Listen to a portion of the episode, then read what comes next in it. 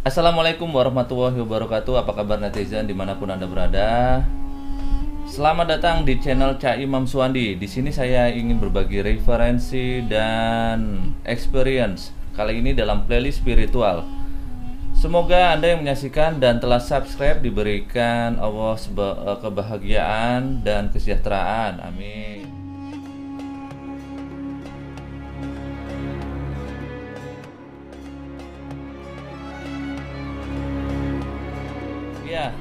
Netizen eh, baru-baru uh, ini viral kesaktian Ustadz Ujang Bustomi lawan dukun santet sangat-sangat heboh di YouTube ya. Jagat dunia maya dihebohkan video viral oleh sosok ustadz muda yang memproduksi konten YouTube berisi video aksi nekat menantang duel dukun santet secara live streaming tanpa editing. Sosok muda itu kini dikenal sebagai Ustadz Ujang Bustomi yang mengelola langsung channel YouTube-nya yang diberi nama Kang Ujang Bustomi Cirebon. Saat konten ini dibuat, akun tersebut telah memiliki 2,22 juta subscriber atau pelanggan. Kontennya sudah terisi ratusan video live streaming maupun rekaman yang membahas ilmu hikmah, goib, dan duel melawan dukun santet. Setiap videonya selalu mendapat ratusan ribu bahkan jutaan viewer atau penonton. Ustadz Ujang membuat konten fenomenal dan ekstrim ini lantaran hikmah dari lockdown yang terjadi akibat pandemi COVID-19 yang berakibat menghentikan beberapa usahanya sehingga akhirnya membuat dirinya lebih banyak di rumah.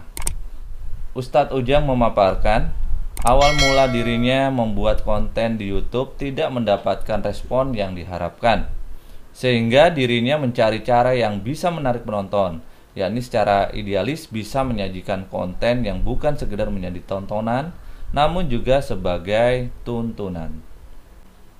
Hingga akhirnya Ustadz Ujang menemukan cara berbeda dengan youtuber lainnya, yakni membuat konten YouTube live streaming tanpa editing dan real tanpa settingan langsung on the spot di lapangan. Konten pertama yang dibuatnya adalah mendatangi rumah Ki Joko Budo lantaran ada orang yang kena gangguan makhluk goib yang berasal dari istana Wong Sinting milik paranormal kondang itu. Namun sayangnya dirinya tidak bertemu dengan Ki Joko Budo lantaran sang pemilik rumah sedang pergi. Sejak saat itu kontennya mulai diperhatikan. Aksi nekatnya yang mendatangi paranormal dan dukun santet yang dianggap sebagai orang-orang suka mencelakai masyarakat dengan media santet diperanginya karena menurutnya ilmu santet menjadi momok yang sangat menakutkan. Sebagai orang beriman, dirinya mendakwahkan bahwa keimanan dan solawat bisa mengalahkan ilmu hitam dan santet. Belum banyak yang mengenal sosok Ujang Bustomi.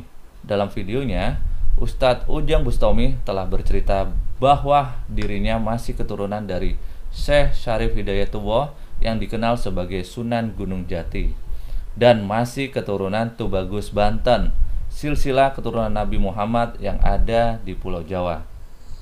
Gelar Tubagus adalah sejenis gelar Sayyid untuk keturunan Rasulullah yang khusus di Banten. Kalau di Arab Saudi ada gelar Habib dan di Iran ada Sayyid, sementara di Banten ada namanya Tubagus. Gelar Tubagus dan Ratu itu bukan gelar kebangsawanan, tapi supaya yang punya gelar selalu terikat dengan Rasul sehingga diharapkan selalu meneladani beliau. Setiap keturunan Sultan Hasanuddin adalah berarti keturunan Rasul. Juga sebab ayah Sultan Hasanuddin adalah Maulana Syarif Hidayatullah yang merupakan keturunan Rasul dan satu-satunya dari Wali Songo. Pada Syarif Hidayatullah mengalir dua darah utama yakni darah dari Rasulullah dari ayahnya, sedangkan dari ibunya mengalir darah penguasa Pajajaran yakni adik Prabu Siliwangi bernama Nyi Rarang Santang yang telah menjadi muslimah. Berikut silsilah Muhammad Ujang Bustomi. Beliau adalah anak dari Nukman Hakim bin Kiai Khudori bin Kiai Jamhur bin Kiai Arif bin Tubagus Muhyiddin bin Tubagus Muhammad Soleh bintu Bagus Bunyamin bin Maulana Asikin bin Maulana Zainal Arifin bin Maulana Abu Has Abu Mahasim bin Maulana Masyhur bin Maulana Abdul Fattah Tirtayasa bin Maulana Abdul Mafakir bin Maulana Yusuf bin Sultan Maulana Hasanuddin Banten bin Syekh Syarif Hidayatullah atau Sunan Gunung Jati. Ustadz Ujang Bustami lahir pada 9 Februari 1982. Dirinya sejak usia 11 tahun sudah menempuh pendidikan di pesantren. Ilmu hikmah sudah lebih dari 17 tahun dipelajari secara mendalam sebelum menda sebelum menghadapi dukun santet. Padepokan anti galau yang didirikannya memiliki luas tanah 2 hektar, menjadi wadah bagi masyarakat yang mencari ilmu hikmah dan solusi dalam menghadapi kehidupan. Kang Ujang telah dikaruniai tujuh anak, juga memiliki banyak usaha, di antaranya sebagai kontraktor, peternakan, biro travel umroh dan haji, bahkan istrinya juga mempunyai usaha developer perumahan subsidi dan non-subsidi.